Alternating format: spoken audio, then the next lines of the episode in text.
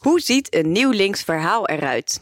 Wij schreven een aanzet in het stuk Samen onze toekomst in handen nemen. En in dat stuk laten we zien dat groene en sociale politiek elkaar versterken. Om onze ideeën een stap verder te brengen, gaan we in deze podcastseries met experts in gesprek. Ik ben Tim Jongers, directeur van de WRD Beckman Stichting. En ik ben Noortje Thijssen, directeur van het wetenschappelijk bureau GroenLinks.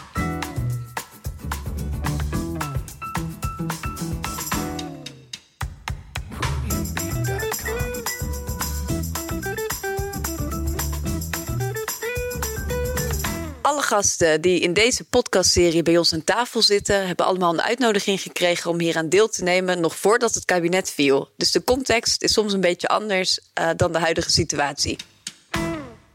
In deze negende aflevering weer al gaan we in gesprek over internationale solidariteit. Hoe voorkomen we mondiale sociale en ecologische ontwrichting op een rechtvaardige manier? Dat klinkt abstract, maar Noortje, wat bedoelen we daar eigenlijk mee?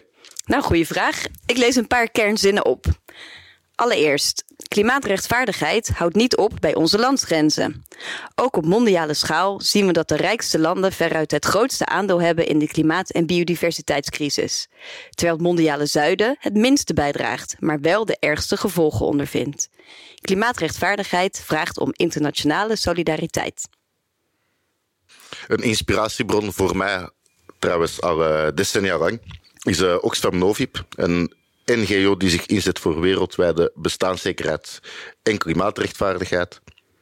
Cruciaal daarbij is de vraag: hoe verenigen we de krachten in eigen land om wereldwijd het verschil te kunnen maken? En net daarom, om daar een antwoord op te zoeken op die vraag, gaan we in gesprek met William Aribux, directeur engagement van Oxfam Novib. Welkom, William. Dankjewel. In onze studio. Ja, leuk om hier te zijn. Ja, fijn dat u hier bent. Uh, Even voor de luisteraars, wat, uh, hoe ziet een dag van een directeur engagement bij Oxfam Novib eruit? Ja, nou, die is dus heel wisselend. Ik heb daar niet eens één antwoord op. Het is uh, maandag, het is vandaag maandag, hè, dus dan beginnen we altijd om negen uur met een uh, kort directieoverleg. We hebben vier directeuren bij elkaar. Dus heel kort even een check-in. is ooit begonnen tijdens COVID. En we doen dat eigenlijk nog steeds. Dus uh, soms vind ik dat lastig. Als negen uur s ochtends op maandag wil je eigenlijk gewoon met andere dingen beginnen. Maar het is altijd toch wel leuk om even te checken van wat is er gebeurd, weet je wel, de actualiteit, wat speelt er, wat willen we intern delen. Daarna doe ik het met mijn eigen MT. Weer 20 minuten en daarna met alle managers. Dat zijn vrij groot. Er zijn nog 21 managers in totaal. Dus daar doen we ook 20 minuten ja, maandagochtend mee. En va vaak is de maandag zit gewoon vol met meetings. Dus echt van alles, weet je, allerlei overleggen. Actualiteitenoverleg is altijd op maandag. Doen we altijd van waar zijn we mee bezig? Wat hebben we bereikt? Wat willen we nog meer? Dus wat speelt er? Waar moeten we bij aanhaken en waar niet? Het Oxfam heeft, zoals je misschien weet, best een breed portfolio. Ze werken aan gelijkheid, maar op allerlei vlakken. Zowel klimaat als je net noemde, maar ook sociaal ongelijkheid. Weet je wel, of gendergelijkheid werken we ook uh, actief aan. Dus ja, ik, uh, soms uh, voelt het alsof je wordt geleefd, want je agenda zit helemaal vol. En soms is het gewoon heel anders. En dan ben ik gewoon met één specifiek team een hele dag in gesprek. Kijken wat er bij hun leeft en wat zij aan het doen zijn. En deze ochtend bijvoorbeeld, hè? Ja. Waar ging de actualiteit over? Oh wat ja, was die is het... nog niet geweest, want die mis ik omdat ik oh, hier bij jullie zit. wat zou je maar, gebracht? Wat nou, wat ik natuurlijk heel tof vond, was, het, uh, was uh, de speech van de koning. Ja, even voor de duidelijkheid. Deze aflevering nemen we op begin juli.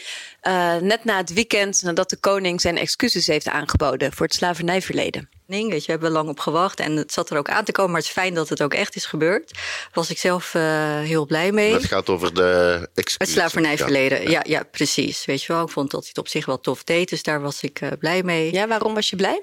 Nou, omdat het echt wel tijd is, weet je wel. Ik uh, heb zelf uh, roots uh, in Suriname en dan mijn voorouders komen uit India. De, de oma van mijn grootmoeder, ik weet niet eens hoeveel generaties terug, is ooit als kind uh, in India van de straat gekidnapt, meegenomen naar Suriname. En die heeft de familie echt nooit meer gezien. Oh, wow. Weet je wel? Dus ik wist altijd al van het klopt niet helemaal, maar wij leren op school VOC-mentaliteit. Dat is iets tofs, mag je trots op zijn. Het voelde altijd al heel raar. Ik vond het altijd ongemakkelijk, maar ik kreeg helemaal geen aansluiting bij andere kinderen of bij uh, ja, docenten, weet je, of schoolboeken. Ook compleet eenzijdig beeld. Dus ja, dat dat nu eindelijk, zeg maar, is voor het eerst ever, hè, dat onze eigen instituten bereid tijd zijn om te reflecteren daarop. En op school is het nog steeds niet veranderd. Maar dat we gewoon wel zeg maar, die beweging maken. Ja, dan word ik wel op zich. Voel ik me dan wel weer trotser om Nederlander te zijn. Weet je wel? Mooi. Het is minder ongemakkelijk. Uh, ja. Dus ja, daarom vind ik het, ik vind het een belangrijke stap. Ja.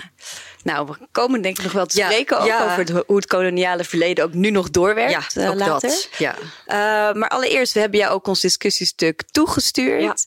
Even los van de paragraaf waar we het nu over gaan hebben. Um, gewoon je algemene indruk toen je het las. Wat, wat voor een gevoel uh, bracht het jou? Ja, op zich uh, herkenbaar beeld, weet je wel. Ik herken wel zeg maar jullie uh, beide vorige partijen erin. Ik vond het wel netjes, netjes geschreven. Heel keurig stuk eigenlijk. en ik denk, het zou op zich ook wel wat meer mogen schuren of wat meer impact mogen maken. Want ik zou nu niet eens wat zinnen eruit kunnen herhalen. Maar het is al een tijd geleden, want je hebt een tijd geleden gemaild en toen heb ik het ook direct uh, doorgenomen. Ik denk ja, positief, je kunt erachter staan. En, maar het is nog wel, net als bij Oxfam ook. Wij zijn ook, uh, er zitten heel veel beleidsmakers, je kunnen heel goed stukken schrijven. En je bent dan heel nieuwsgierig, ik dan altijd, naar de acties. Weet je wel, wat ga je doen? Wat ga je veranderen? Direct eigenlijk, niet eens op lange termijn. Wat gaan jullie morgen zeg maar samen anders doen? Daar uh, zou ik nieuwsgierig naar zijn. Ja, wat goed is om weten is dat uh, het moest een discussiestuk worden. Ja, ja, ja. ja, ja. De, de discussie aanzwengelen. Uh, en in het verlengde hiervan hebben we best veel uh, ledengesprekken gehad. Dus zowel leden van de Partij van de Arbeid als van. Ja. Om dan inderdaad te kijken naar wat kan je dan concreter gaan doen. Mm. Dat is iets dat wij ook naar aanleiding van deze podcastserie later gaan verdiepen ja, ja, in de tof. zomer. Dus wij gaan uh, in de zomer gewoon uh, lekker doorwerken, toch Noortje. Oké. Okay. Wij nemen geen vakantie. Nee, nee, echt niet. nee, maar leuk. Ik hoop ook dat jij ja. met goede ja, voorbeelden en ideeën komt. Ook waar het wat meer mag schuren bij dit gesprek. Dat we dan uh, ja, dat dus kunnen meenemen. Voor... Ja, en dan zo één onderwerp waar ik dan onmiddellijk aan denk dat misschien per definitie heel erg zal schuren, als ik me niet vergis zijn er uh, best wel wat prognoses die tonen dat er heel veel klimaatvluchtelingen zullen bijkomen in de Hmm. komende jaren, Zeker. de komende decennia. Ja. Ik lees hier uh, 200 miljoen klimaatvluchtelingen in 2050. Hmm. Uh, hoe moeten we daarmee omgaan? En hoe zorgen we dat dat niet gebeurt? Kan dat Hmm. nog?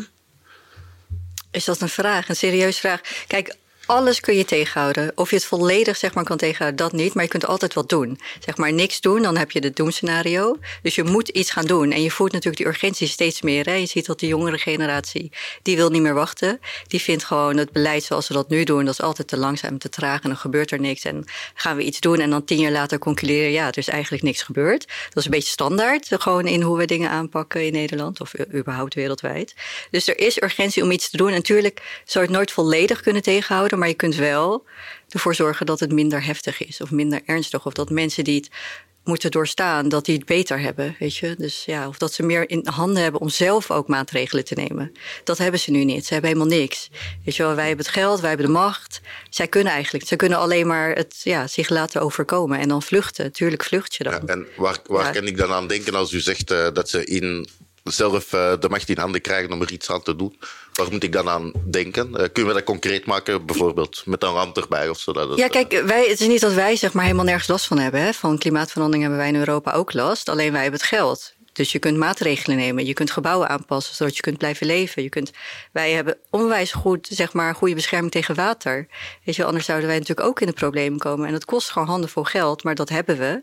En dat investeren we natuurlijk ook in onze eigen veiligheid. Nou, als je dat niet hebt, dan kun je alleen maar wachten tot het gebeurt. Dus het is één verdeling, zeg maar, nou, überhaupt van geld, van vermogen. Uh, maar ook wij consumeren natuurlijk heel veel. We halen, we halen eigenlijk het hele zuiden leeg, omdat wij zelf zoveel willen consumeren. Als we daarmee zouden stoppen, zouden ze zelf ook meer over hebben. Weet je wel, dus ja, het is op meerdere vlakken zo. Het is één, geef je geld. Dat is altijd natuurlijk uh, gunstig. Maar ook ben je bereid zeg maar, om je eigen consumptiepatroon aan te passen. Zodat dat ook dat eerlijker verdeeld is. Zodat ze niet, uh, ja, ja, zodat je het niet leeg haalt het is van allerlei kanten, zeg maar, worden ze eigenlijk beroofd van van alles, weet je wel. Dus uh, ja, ik las ook dat uh, van een van onze policy advisors dat er echt uh, dat ze twee keer zoveel schulden hebben als dat er ontwikkelingshulp wordt gegeven. Dus je zit gewoon in een situatie waar je nooit schulden uitkomt. bij wie? Bij andere landen, bij de rijkere landen, weet je wel. Dus ja, schuldaflossing. Dus of het kwijtgelden. Dat is ook gewoon een optie natuurlijk. Weet je. Dus ja, zijn Dus we het zijn de arme landen die schulden hebben bij de rijke landen. Het zijn de rijke landen die alle grondstoffen uit de arme Ja. landen gaan ophalen. Ja, dat, dat lijkt me een padstelling, toch? Is het ook, maar dat is het ook precies. Dus ze komen er niet uit.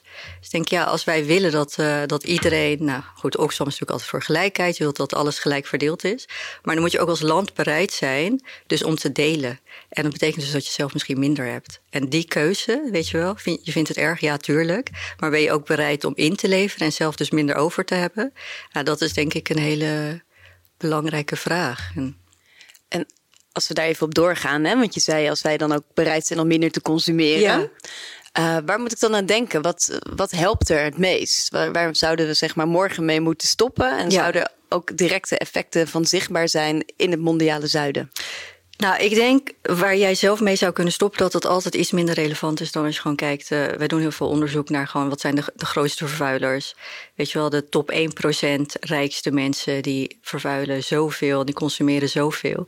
Als je alleen de top al zou aanpakken, dus de grootste bedrijven, de grootste voedingsmiddelenleveranciers, ervoor zorgen dat zij. eh, ook kijken naar hun keten, hun volledige keten. En bereid zijn zeg maar, vanaf het begin een eerlijke prijs te betalen. En goed te kijken naar van breng je schade aan aan het milieu, ja of nee. En wil je dat? Weet je, nu ja, gebeurt eigenlijk niet. Hè? Of ja, echt onvoldoende. Scoren echt, echt heel slecht. Dus dat, zeg maar, als je dat kunt opnemen. En geloof dan wel echt in wetgeving. Want het gaat niet vanzelf. eh, dan verander je iets. Dus zelf, tuurlijk, je kan altijd minder vlees eten. Altijd goed, weet je wel. Maar het is echt een druppel op een gloeiende plaat. Dus als je echt impact wil hebben en snel, want je zei al 2050, relatief snel, dan moet je het groots aanpakken. En dat betekent dus echt grote bedrijven, weet je wel, de top 1%. eh En noem eens de drie van die grote bedrijven. Eh, nee, ga ik nog niet doen. Oh, nee? Brengen we binnenkort uit. Dus Oh, dan oké. eh, zal ik het met je delen. Ja. ja. Maar we, u zegt we moeten die bedrijven dan gaan aanpakken. ja. Wij, wij zijn medevertegenwoordigers van politieke bedrijven natuurlijk. Ik hoor u ook eh, wetgeving zeggen. Ja. Waar moeten we dan aan denken qua wetgeving, qua politieke actie die nu echt moet gebeuren? Nou, bijvoorbeeld dat je de mensenrechten opneemt in je keten. Weet je wel? Dat is, dat is nu eigenlijk niet zo. En je ziet ook, eh, we doen best wel onderzoek naar bijvoorbeeld supermarkten. Eh, van in hoeverre heb je mensenrechten meegenomen in je, in je keten? Ja, scoren eigenlijk allemaal slecht, allemaal onvoldoende. Ehm, dus dan, sommigen die zijn bereid wat stapjes te zetten, weet je wel. En dat is altijd super positief natuurlijk, dat je zover krijgt dat ze toch gaan kijken. Maar als het in de wet zou staan, dan moet het ook. En dan moet het ook sneller. Dus dan dwing je bedrijven ook om sneller zeg maar, dat op te nemen. Maak het inzichtelijk, laat het zien. Het is niet vast onderdeel van je jaarverslag nu. Dus ja, je moet het eerst weten natuurlijk voordat je het kunt beoordelen. En nu kan je heel verschuilen achter, ja, er zitten tussenleveranciers tussen... of wij kopen het gewoon daarop, weet je wel. We weten het eigenlijk niet. Terwijl ja, tuurlijk moet je het wel weten. Weet je, ik weet dat het lastig is, maar je wilt toch weten waar het vandaan komt. En eh, merken jullie dat er veel weerstand is? Want als jullie dit, jullie lobbyen ook, neem ik aan, voor Ja. dit soort ideeën. Merken jullie ook dat er veel weerstand komt? Dat, dat, dat het daarom ook niet lukt? Ja, dat durf ik niet eens zo eh, te zeggen of er veel weerstand is. Er is gewoon niet zo heel veel animo nog voor. Weet je wel, dat wel. En ik denk dat mensen heel vaak zeggen: ja, dat zou wel goed zijn. Maar er echt zeg maar achteraan zitten en het echt, ja, dat, dat voel ik nog niet. Zeg maar. Nee. En wordt u daar niet moedeloos van? Want ik, ik ben bijvoorbeeld 41, dat zou u niet zeggen, dat weet ik. Los daarvan. Maar ik ben 41 jaar oud Ja, en ja. ik, ik herinner eh Oxfam al van toen ik 17, 18 was. Ja. En toen waren die al bezig met eh, de KKO en noem maar op. Alles klopt, moest eerlijk klopt, zijn. ja. En, ja, je zou eigenlijk cynisch kunnen zeggen, we zijn 20 jaar verder en zijn we iets opgeschoten?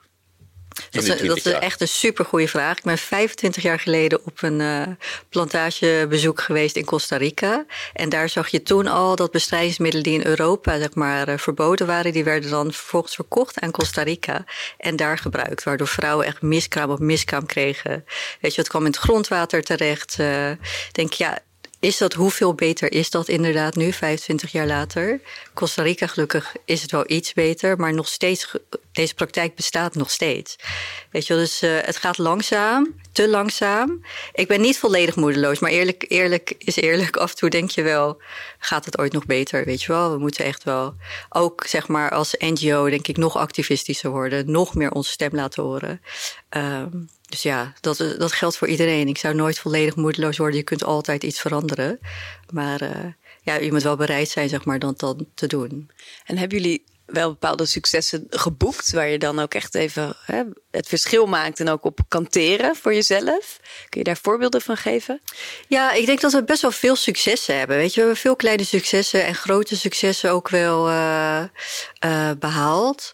En ook, ook die supermarkten, zeg maar, ook daar, hè, of onze eerlijke geldwijzer met de bankenwijzer, zie je ook wel echt gewoon dat ook wel gewoon tot en met CEO-niveau, dat ze wel bereid zijn om te praten. En je hoort ook steeds meer uh, corporate zeggen van oké, we willen wel. Weet je wel, dus ergens is er die wil en het is misschien volledige onkunde of dat je toch uiteindelijk afgerekend wordt op winst. Weet je, dus die hele dynamiek. Waardoor het zorgt, ja, er gebeurt dus eigenlijk te weinig, te langzaam. Maar ik voel wel eigenlijk uh, dat overal wel wordt gevoeld van nu moet er toch wel wat gaan veranderen. Weet je wel, ik denk dat juist, zeg maar, jullie als politieke partijen, maar ook wij als NGO's, als we toch, zeg maar, nu, zeg maar, dat het wel nou ja, ik ben wel hoopvol nog steeds dat het wel kan. Dat je wel kan pushen. Ja. ja. En hoe is nu die dynamiek, dat samenspel tussen politieke partijen en NGO's? Vind je dat dat effectief is, hoe er samen wordt opgetrokken? Ah, dat vind ik wel zo'n ingewikkelde vraag. Of het effectief is. Uh, sowieso uh, zit ik niet volledig in de politiek. Dus we hebben een hele sterke lobby uh, als NGO. en altijd zijn er ook wel mensen bereid om te luisteren. Maar wat ik dus zelf lastig vind van de politiek is dat je nooit het achterste van mensen hun tong ziet of hoort. Weet je wel? Dus ook al, ja, ik kijk liever naar de acties. Weet je wel, van gebeurt er ook echt iets mee? En dan gaat het mij altijd te langzaam eigenlijk. Dus ik denk wel van onze lobbyisten hoor ik wel dat er bereidheid is en dat ze blij zijn, dat ze altijd in gesprek kunnen, weet je wel. Dus dat ze best wel positief en optimistisch zijn en ook vinden van nou, we moeten nog meer doen, we moeten nog meer inzetten. We hebben een relatief klein lobbyistenteam, dus soms ze nemen het op tegen hele grote groepen. Um, maar goed, daar moeten het dan ook wel mee doen. Dus dat wel. Maar zelf, ik ben niet heel erg politiek geang. Ja, dat ik daar heel erg blij van word of zo. Nee. Weet je, houd je ja. bezig met de bewustzijn, hè, denk ik. Van, uh, ja, de, ja, de ja, ja, ja, ja, precies. Ja. het bereiken van uh, de massa. Met, en juist van de mensen die zeg maar niet politiek geëngageerd zijn. Van hoe krijg je hun erbij? En hoe doe je hoe, dat? Uh, door echt op een hele andere manier te communiceren. Weet je wel, die beleidstukken of zelfs onze eigen papers. Die zijn super interessant, goed onderbouwd. Niemand leest dat natuurlijk. Het is maar een heel klein groepje journalisten en experts die dat interessant vinden. En gelukkig zijn die ook altijd zeg maar, bereid of juist uh, blij om daarover te schrijven en het te delen. Maar ook dan weer die kranten. Weet je, hoeveel mensen bereik je daar nou mee? Dus echt die boodschappen doorvertalen. Dat is klimaatongelijkheid. Weet je, die term doorvertalen naar iets wat relevant en interessant is voor een massa mensen in plaats van zo'n klein groepje. Dat vind ik gewoon super interessant, weet je wel. En juist omdat ik niet uit die, uh, de wereld kom, heb ik ook heel vaak heel veel vragen over. Vind ik het zelf ook te complex? Of haak ik gewoon af? Of is het gewoon, weet je wel, wordt het gewoon beleidstaal? Uh, willen vaak compleet zijn. Dus dan krijg je heel veel opsommingen en maar als dit, dan dat. Weet je wel, denk ik, nee, maar wat is nou de kern van je verhaal? En waarom moet gewoon uh, Nederland zich daar zorgen om maken? Het blijft een, is een uitdaging, maar het is een hele leuke uitdaging. Ja, dat, ja. dat vind ik wel een goede, die kern van het verhaal. Want kijk, we, we willen het allemaal anders. Uh, het moet eerlijker. Ja. Ik denk dat heel veel mensen zullen denken, ja, maar dan wordt het ook duurder. En dan moet ik weer al gaan. Uh, de, de, prijzen worden dan weer hoger. En wat heb ik er zelf aan? Zou het kunnen dat die boodschap al weten we nu al 20, 30 jaar dat het uh, ellendig kan worden binnen ja. een paar jaar met het klimaat. Zou het echt kunnen dat die boodschap gewoon nog niet voldoende doordringt bij de mensen? Het hoeft helemaal niet duurder te worden. Ik denk als je kijkt naar gewoon de 1% van de allerrijkste en hoe weinig belasting zij betalen. Als zij gewoon gelijke belasting zouden betalen als de gemiddelde of middeninkomens, zelfs hoge inkomens, zou je zoveel extra te besteden hebben, juist zeg maar aan dit soort zaken. Dus het hoeft niet voor de middeninkomens duurder te worden. Dat, ja, daar ben ik echt van overtuigd. Als je bedrijven gewoon meer laat betalen of gewoon eerlijke belasting of niet laat ontduiken. Weet je wel, wat hou je dan over? Ja, hartstikke veel. Dus uh, ja, het altijd doorberekenen aan de consument, daar ben ik niet per se voorstander van. Ja. Alhoewel ik wel vind dat je eerlijke prijzen moet betalen. Weet je wel, dat je voor als je naar kleding kijkt, dat je wel altijd even moet kijken van oké, okay, 5 euro voor dit stuk, dat kan eigenlijk niet. Weet je wel. Moet ik snappen, als je geen geld hebt, dan heb je wat nodig. Maar uh, ja, ik denk dat kan je wel doen als consument. Je kan wel kritisch, zeg maar, je, uh, nou, gewoon de winkels of de merken bevragen. En hoe kunnen we mensen daarbij helpen? Ik bedoel, als politieke partij. Wat, wat, Ja, zou, ja, wat ja, zou een ja. opdracht kunnen zijn? Wat- zou er dan vanuit de politiek als boodschap moeten komen? Nou, nemen en shamen zou je kunnen doen. Dat gebeurt nu eigenlijk vrij weinig, toch? Het Dus je lijkt- wil zeggen, eh, gewoon zeggen wie is er bezig is, het bedrijf bij naam noemen en... eh, Ja. Ja, ik vind dat we dat als Nederland ook vrij weinig doen. Dat we altijd toch wel ja, het wollig omschrijven of de sector noemen. iedereen een vriend houden. Ja, ja. Of dan met, met ja, liever in gesprek gaan. Dus snap je, je moet altijd ook in gesprek gaan. Maar als het echt niet goed is, ja, maak het dan publiekelijk. Hè? Maar tegelijkertijd, hè, we, we praten nu in die context van klimaatvluchteling. Mhm. Eh, ik hoorde dat het waarschijnlijk is dat de budgetten voor ontwikkelingssamenwerking naar beneden zouden Ja. gaan. Is dat een goed idee dan? Nee, natuurlijk niet. Daar hebben we ook flink op gelobbyd natuurlijk. Dus eh, dat, nee, dat is, nee, dat vind je zelf denk ik ook geen goed idee. Nee, nee, nee, maar, maar- ja, natuurlijk vind ik dat geen goed idee. Nee, Nee, dat- kijk, het is sowieso heel erg weinig geld. Ook relatief, als je kijkt naar onze totale uitgaven, is het een relatief klein percentage wat we uitgeven aan ontwikkelingshulp. Ehm, de schade daar is echt enorm, weet je wel. We zijn ook nog een van de veroorzakers in plaats van dat we. eh, we zouden moeten willen bijdragen. Weet je, we zouden moeten willen oplossen. En dat is die solidariteit waar we mee begonnen in het gesprek. Die ontbreekt daar. Hè? We voelen niet de verantwoordelijkheid. Je voelt niet van oké, het is zo erg, we moeten iets doen. Dat is gewoon, vandaar dat ik, ik denk van ja, het is een heel mooi woord en het staat op heel veel plekken. Maar wie voelt het nou echt? Ja. Niet. Dus als je praat over het naar beneden halen van dat budget, heb je gewoon geen idee, zeg maar. Maar als ik het goed begrijp, het wij zeggen, oké, het klimaatvraagstuk dat is per definitie een rechtvaardigheidsvraag. Ja, maar eigenlijk hoor ik jou zeggen, het is vooral een moreel vraagstuk.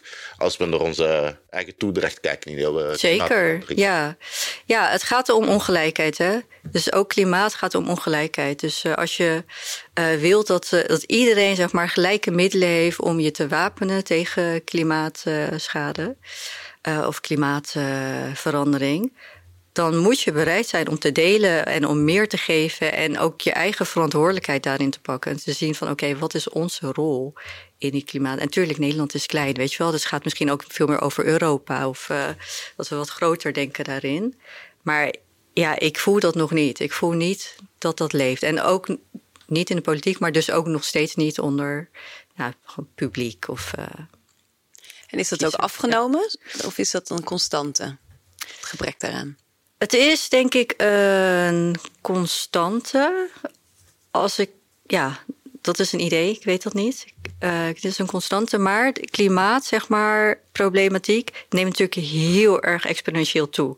Weet je wel? Dus dan, daardoor wordt dat erger.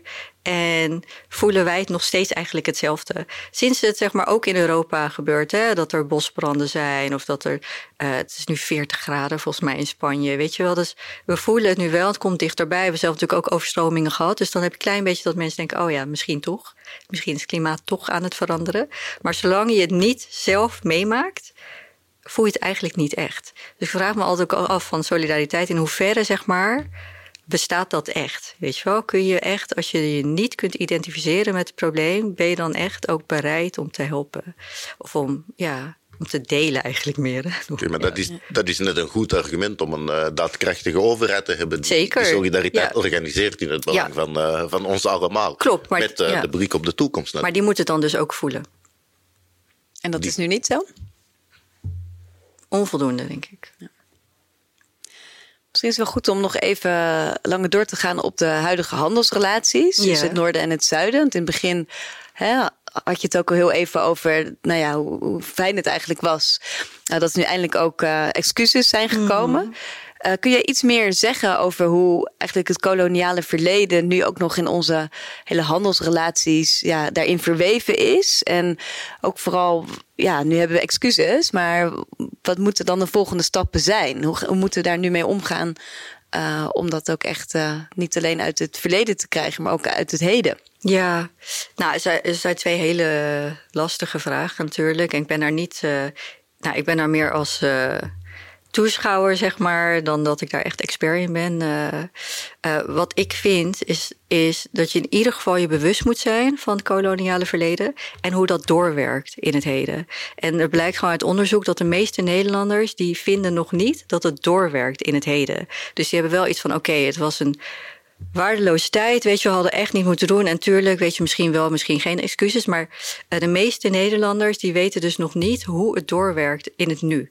Weet je wel, hoe je er nu nog steeds, zeg maar, last van kan hebben. En hoe het doorverwerkt is in, uh, nou, het zit heel diep in allerlei vooroordelen, ongelijkheid. Weet je wel, je, hebt met discriminatie te maken, nog steeds met racisme. En dat allemaal is terug te leiden tot natuurlijk de beelden die zijn gevormd uh, tijdens die slavernijperiode in Nederland. En dat zit gewoon in ons DNA. En we zijn niet bereid om daarna te kijken en dat uh, ons te realiseren. En dus dan ook te beseffen. Dat betekent dus dat je echt iets moet doen om dat te verwijderen uit onze maatschappij. Dus dat is iets wat we sowieso moeten gaan doen. Ja.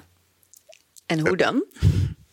Ja, wat zou dat concreet dan betekenen? Want dan, dan is dan zou je ook hier kunnen zeggen, nou, de, de koning heeft dan met die excuses ja. de, de goede richting aangewezen. En dan is het nu aan ons allemaal om daar uh, op verder door te gaan, zeg maar. Het zijn twee verschillende dingen. Weet je wel, je hebt uh, ons allemaal. Dus wat is je persoonlijke proces daarin? En hoe, hoe, zorg je ervoor dat je in je eigen circle of influence daar zeg maar iets mee doet? Dat is één. En het tweede is gewoon, dat is een apart proces, is denk ik de koning die excuses maakt. En wat er dan vervolgens gebeurt. En je weet dat de Black Archives nu natuurlijk bijvoorbeeld een uh, uh, actie is begonnen om ervoor te zorgen dat het ook leidt tot herstelbetalingen. Weet je wel, en zij zijn daar de betere partij voor als je meer wilt weten over waarom en wat zit erachter.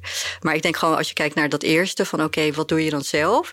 Wat kan je in je eigen omgeving doen? Iedereen die mensen in dienst heeft bijvoorbeeld of überhaupt zeg maar binnen je eigen familie of binnen je eigen cirkel. Ik denk dat we allemaal weten dat er af en toe discriminerende of racistische opmerkingen worden gemaakt en dat je dan niets doet. Weet je wel? Of dat je meelacht of misschien zelf degene bent die het maakt. Weet je wel? En dat is een moment waarop je als individu denk ik het verschil kan maken. Dus het moment dat je eigenlijk niet meer iets kan zeggen zonder dat een ander jou erop corrigeert, dan hebben we denk ik bereikt, weet je wel, dat we voorbij dat kantelpunt komen en dat dat vooroordeel eigenlijk niet meer, not, dat het not done is. En nu is het oké, weet je wel, je wil niet weten hoe vaak ik dingen hoor waarvan ik denk, ja, dit kan niet, of dit is niet oké, of wat, ja. Wat krijg je te horen dan? Van alles. Het zit gewoon zo diep, weet je wel. Ik heb in sollicitatiegesprekken te horen gekregen van... denk ze eerst, oh, mooi cv, waar kom je eigenlijk vandaan? Een exotische naam, weet je wel. Dat is al een hele foute opmerking. Ja, Suriname is mijn achtergrond. En dat ze dan compleet in verwarring zijn van... oh, Suriname, maar hoe kan je dan op het Haganum hebben gezeten? Het gymnasium in, uh, hier in Den Haag. Weet je wel, oh, daar ben je vast geadopteerd. Weet je wel, dat gewoon de gedachte erachter zit... je kan nooit met Surinaamse ouders... kan je nooit, zeg maar hoog opgeleid of intelligent genoeg zijn om die zeg maar, opleiding te doen. Nou, dat zijn zulke diep gewortelde uh, vooroordelen. En dat mensen dat ook zonder chaîne tegen je zeggen, betekent ook dat er helemaal geen filter nog is. Weet je, totaal geen idee van: oké, okay, dit is eigenlijk een foute gedachte. Ik moet mezelf corrigeren, dat is niet oké. Okay. Ja. Gewoon dat gewoon bland, zeg maar zo tegen. Nou, dat aan de lopende band, weet je wel. Ik denk dat ik elke week wel een uh, voorbeeld. Uh, en, en dit zijn dan ook gewoon mensen die je tegenkomt hè, in je, in je, ja, je dagelijks leven. Ja. Maar dan heb je ook mensen die uh, beleid maken. Ja. En ook uh, verantwoordelijk zijn voor, de, uh, voor de internationale verdragen hè, mm. die, we, die we sluiten tussen, tussen de verschillende landen. Als, daar zit dit natuurlijk ook nog in, in, hè, in, in de beelden, in de cultuur.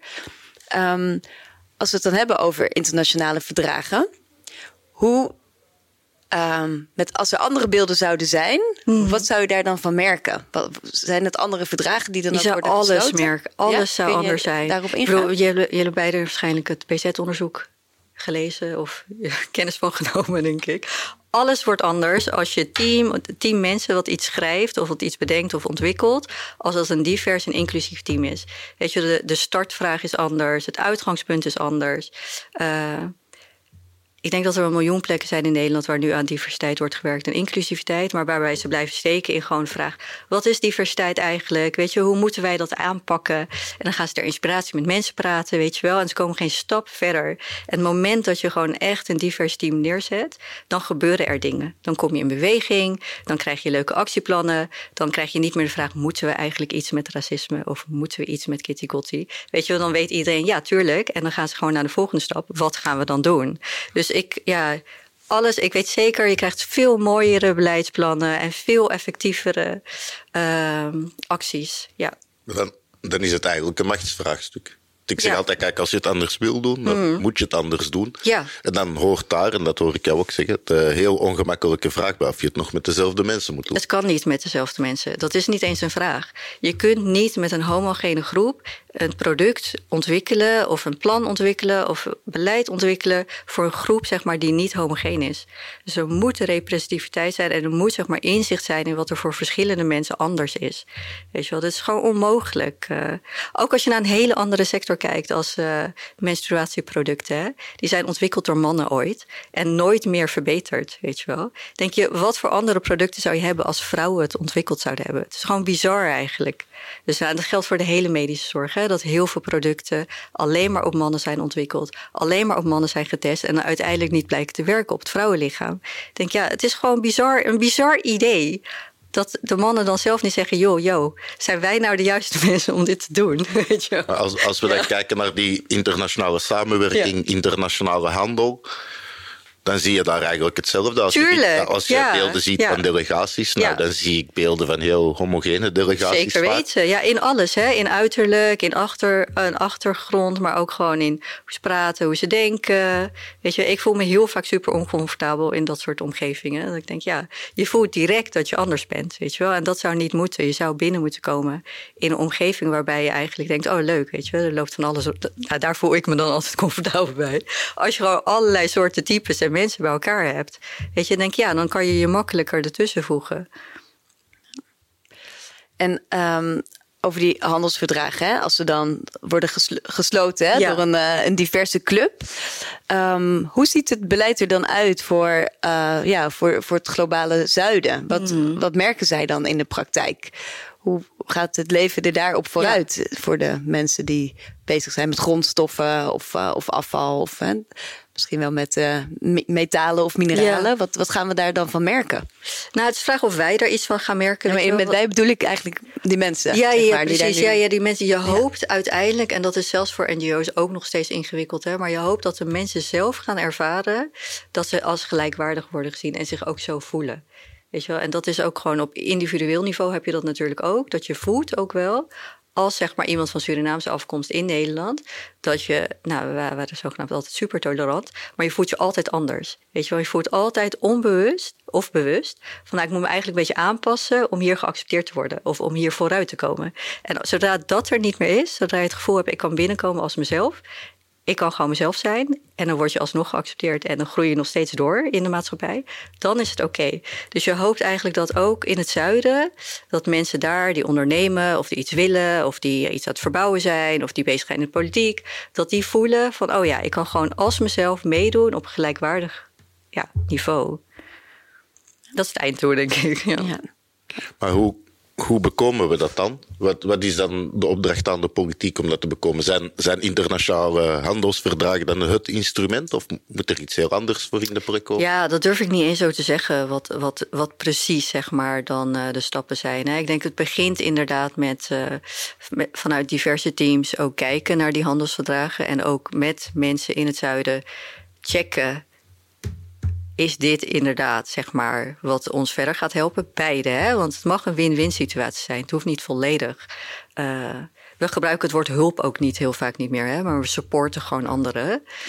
Ehm, dus veel meer checken, denk ik. Oké, wat we hebben bedacht, gaat dat ook bijdragen aan wat we beide willen? Weet je wel, gaat dat bijdragen aan meer gelijkheid, ja of nee? En zodra het nee is, stop er dan mee of verander dan. Laat het niet zeg maar weer een paar jaar doorrollen. Dat is één, eh, één stap. Maar dus ook bereid zijn ook dus om in te leveren. Ja, Dat, dat kan ik me ook inbeelden. Maar Ja. ik, ik herinner me ooit een uitspraak. En Want nu, eh, ja, we zien dat eh, China natuurlijk ook op globaal niveau Ja, grote speler aan het zeker. worden is. Ja. En ik her- herinner me een uitspraak van iemand die zei van ja, maar wij uit het Westen, wij komen het halen. Mhm. China komt handel drijven. Ja, En dat gaat zorgen dat wij weggeduwd worden. Mhm. Want daar zit dan wel veel meer dat, dat gelijkheidsidee in, die handel. Zolang er maar goed handel Ja. wordt gedreven en maar goede verdragen worden gesloten en China wint, dan eh, mag de rest ook winnen. Mhm. Maar hen niet zoveel uit. Hoe gaan we ons daar tegen verzetten? En moeten we ons daar tegen verzetten? Dat is ja, ja de vraag, wil je daar tegen verzetten? Ja, weet ik niet.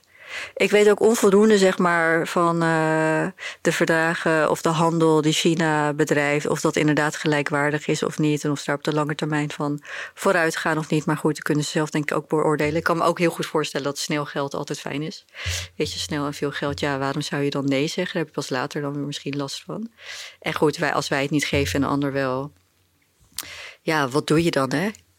Te complex vraagstuk, eerlijk gezegd. Uh, ja om het nog uh, complexer misschien te maken. Ja, want we hadden het net over de verhoudingen uh, tussen, het, uh, tussen het noorden en het zuiden.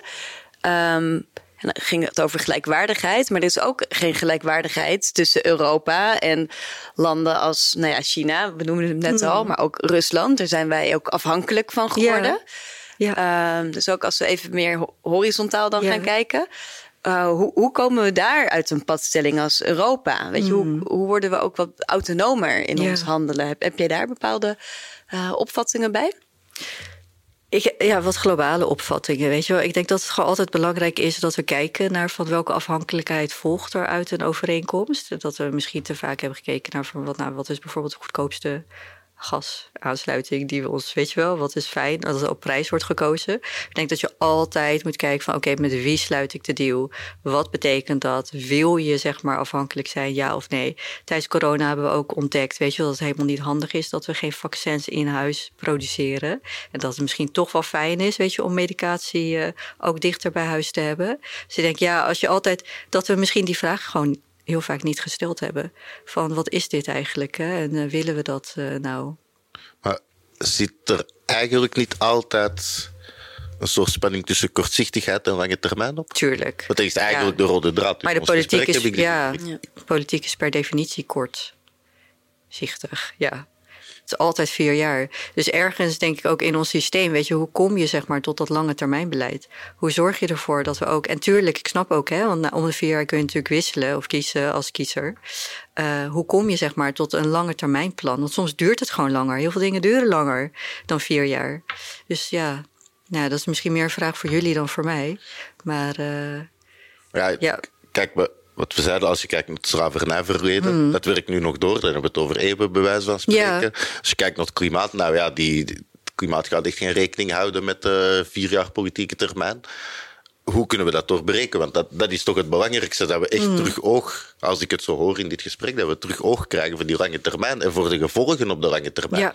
Al wil je natuurlijk nu... Uh, waarschijnlijk economische groei of noem maar op. Dat, dat begrijp ik ergens dan ook weer al. Zou ik daar zelf niet zozeer voor pleiten. Mm Maar hoe krijgen we terug? Uh, en hoe doet uh, Oxfam dat bijvoorbeeld? Hoe kijken jullie naar de lange termijn?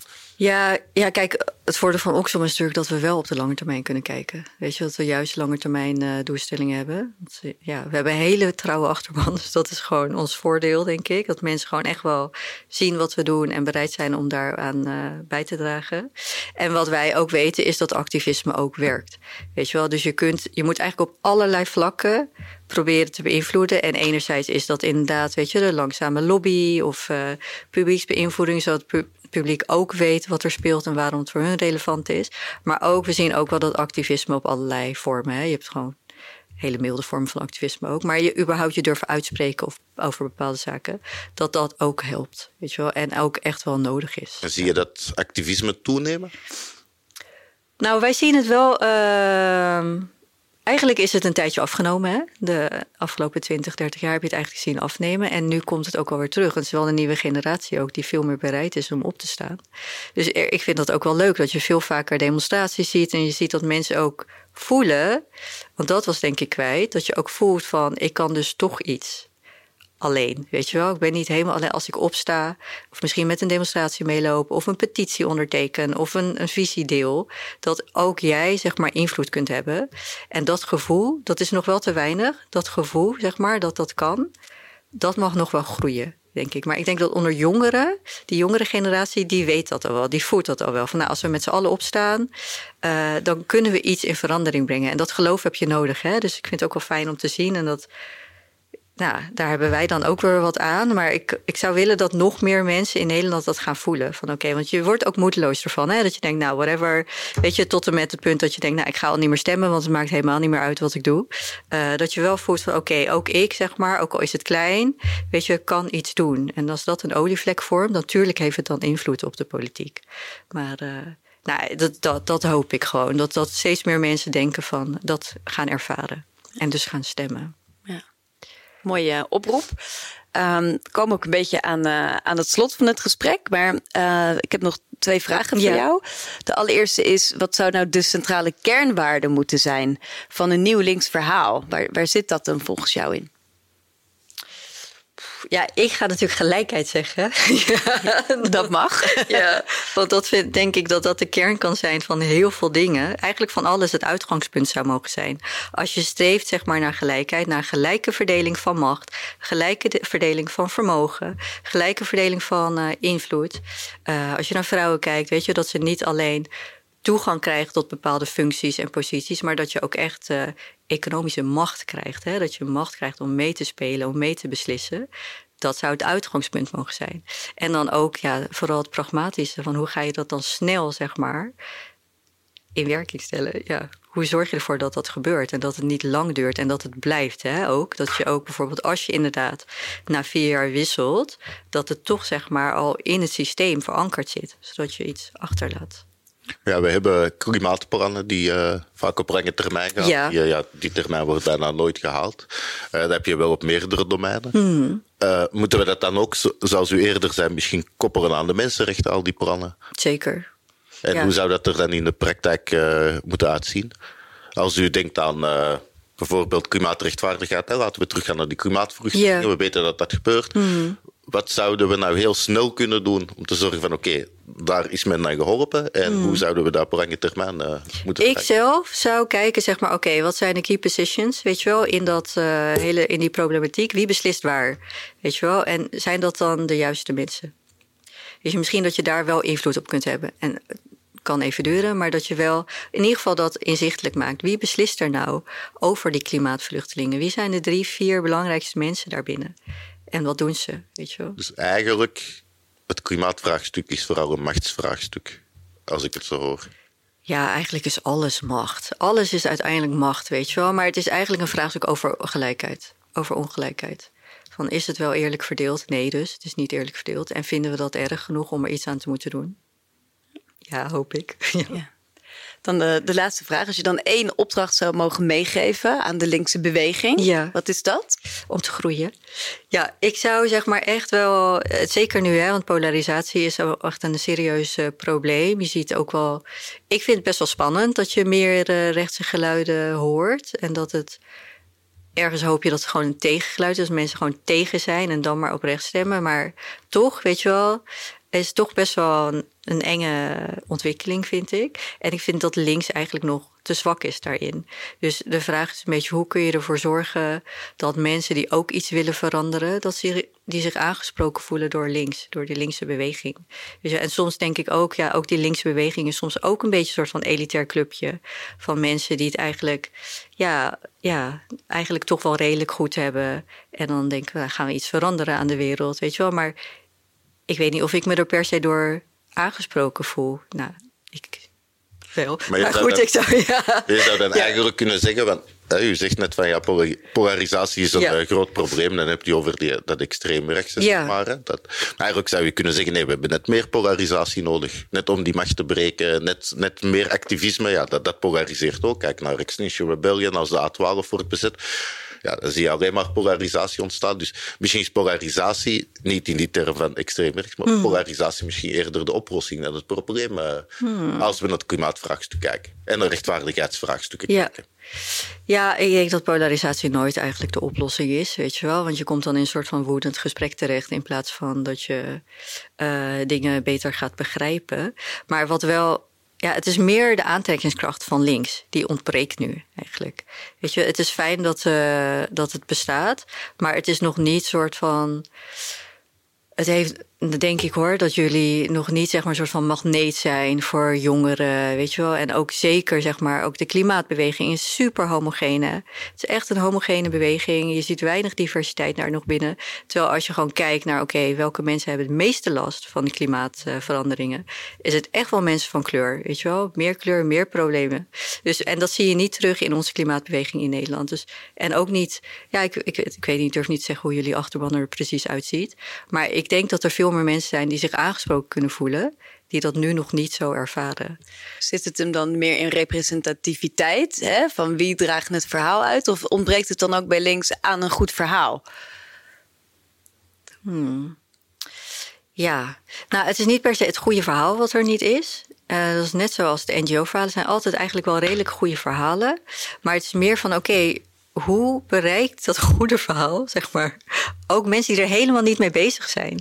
Die denken dus inderdaad van, oh, ik hoef niet te stemmen. Ze doen toch maar wat ze, weet je wel, het is één grote blur. Het maakt mij eigenlijk niet uit. En wat ik doe, zeg maar, ja, dat telt eigenlijk niet mee. Ze zijn toch tegen me. Hoe bereik je, zeg maar, dat is op een hele andere manier, denk ik, ook via andere kanalen zijn die te bereiken. Um, dat, ja laatste keer even doorvragen hoor. Ja, maar, ja, dat is goed. Kijk, je bent ja, directeur engagement, engagement. Um, wat, wat, wat zou links dan moeten doen om die groepen wel te bereiken? Wat is dan de gouden tip? Oef, heel de gouden tip. Ja, ja dat zijn wel uh, even course, op zoek. Ja, Ja. heb ik in mijn achterzak. Een gouden tip Al een aantal voor jaar. je. Ja, precies. Ehm, nou, sowieso jullie, nou, dat is een kleine tip hoor, maar het is nu nog steeds GroenLinks plus PvdA samen. Weet je wel dat jullie samen zijn? Het is eigenlijk nog een intern proces, zie je van buiten. Dat het intern proces is van nader tot elkaar komen. Ik denk, ja, het is nog niet één geheel, weet je wel. Dus dat, dat zou ik als eerste je adviseren. Zorg ervoor dat het één geheel is. En dat je gewoon duidelijk weet, oké, weet je wel, nou, het is één nieuwe club. Weet je, zijn samen, eh, staan voor bepaalde dingen. Wat is dat precies? En gaat dat allerbelangrijkste daarvan, kan gelijkheid zijn, kan iets anders zijn. Ga dat eens uitvergroten en zorg ervoor dat je heel veel meer mensen bereikt daarmee. Mooi. Dankjewel, dat is een goede tip, toch? Ja, en daar nog een eh, laagje van activisme onder, had ik begrepen. En dan eh, Dat moet het helemaal goed Ja, komen. precies. Ja, dan zijn we er. Nou, luisteraars, geloven jullie dat sociale en groene politiek elkaar versterken of niet? Deel je ideeën en je suggesties, want eh, Tim en ik gaan dus deze zomer schrijven eh, aan een reflectie op eh, ja, ons discussiestuk en alle gesprekken die we daarover voeren. Dus laat van je horen en we laten een mailadres achter in onze show notes. En eh, voor nu, eh dankjewel Lilian. Ik vond het Ja. eh enorm boeiend gesprek. We gaan er zeker heel veel uit meenemen. En eh, u zal zien hoe activistisch we worden in de toekomst. Ik ben super benieuwd. Dank je. Ja, dankjewel. En dankjewel uh, luisteraars voor het luisteren.